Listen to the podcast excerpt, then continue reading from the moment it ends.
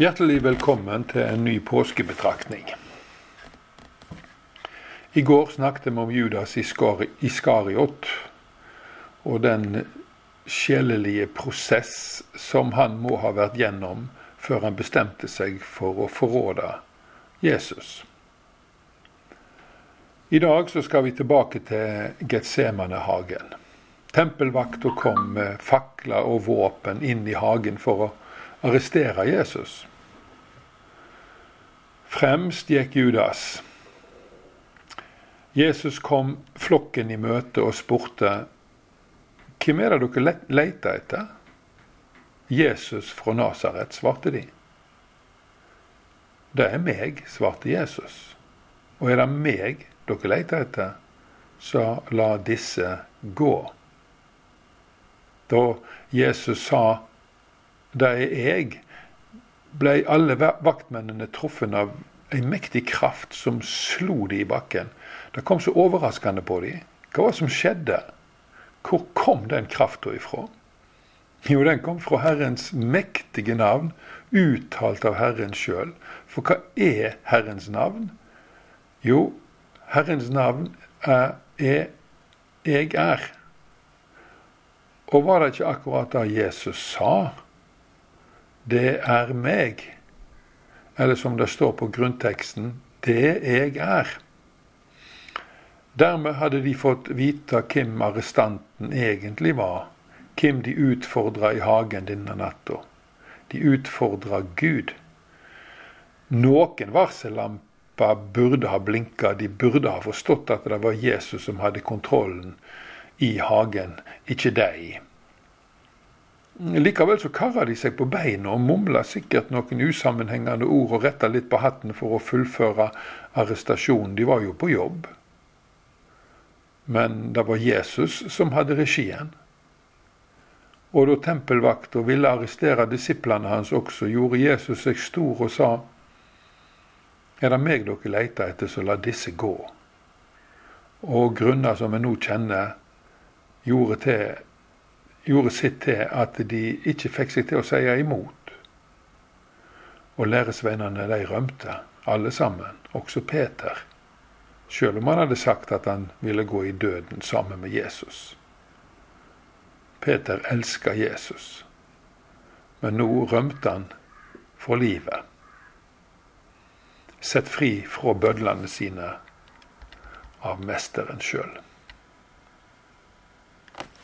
Ta meg, la disse gå. I disse ordene oppsummerer Jesus hele evangeliet. Ordene ble sagt til noen skarve tempelvakter som ikke hadde noe å stille med mot han, om han ikke hadde latt de få lov til å krafse på den hellige kroppen sin. Ingen kunne ta Jesus uten Jesu samtykke. Men det ingen mennesker kunne høre, var at orda ifra Getsemane, talt av Jesu munn, tona ut i universet gjennom stjernehimmelen og inn i Guds himmel. Ta meg, la disse gå. Kjære venn, Jesus stilte opp for deg denne natta. Jesus stilte opp for deg da han måtte stå skulerett for Kaifas og Pilatus da han ble håna og spotta og hudfletta av brutale soldater, da han sleit seg opp via Dolorosa med korset hvilende på den blodige ryggen, da han segna under byrden og måtte få hjelp av Simon fra Kyrene, og da han blei spikra fast til korsets tre. Han stilte opp for deg og for meg. Det var oss han representerte da smertene lyna gjennom kroppen hans time etter time, først i steikende sol, så i stummende mørke, helt til døden kom og sette han fri. Men da hadde han også sett oss fri, fri fra Guds evige dom over våre synder. Jesus lot seg ikke fange og pine og drepe av noen annen grunn enn at han skulle frelse meg og deg. Du og jeg får gå. Og kom, la oss prise hans dyrebare navn. Og da vil vi, Herre Jesus Kristus, vi vil prise ditt dyrebare navn. Du er en trufast frelser. Du kunne ha avslutta den smertefulle prosessen når som helst. Du hadde en enorm sjølkontroll som gjennomlevde korsets smerte for vår skyld. Men vi vil ære og prise deg for det. For du tok vekk alle våre synder ved din død på Golgata kors. Og du lever. Du lever midt iblant oss. Du er i himmelen hos Faderen, men du bor også i våre hjerter, og du er i din menighet. Og vi treffer deg i ditt ord, og vi treffer deg i nattverdens måltid.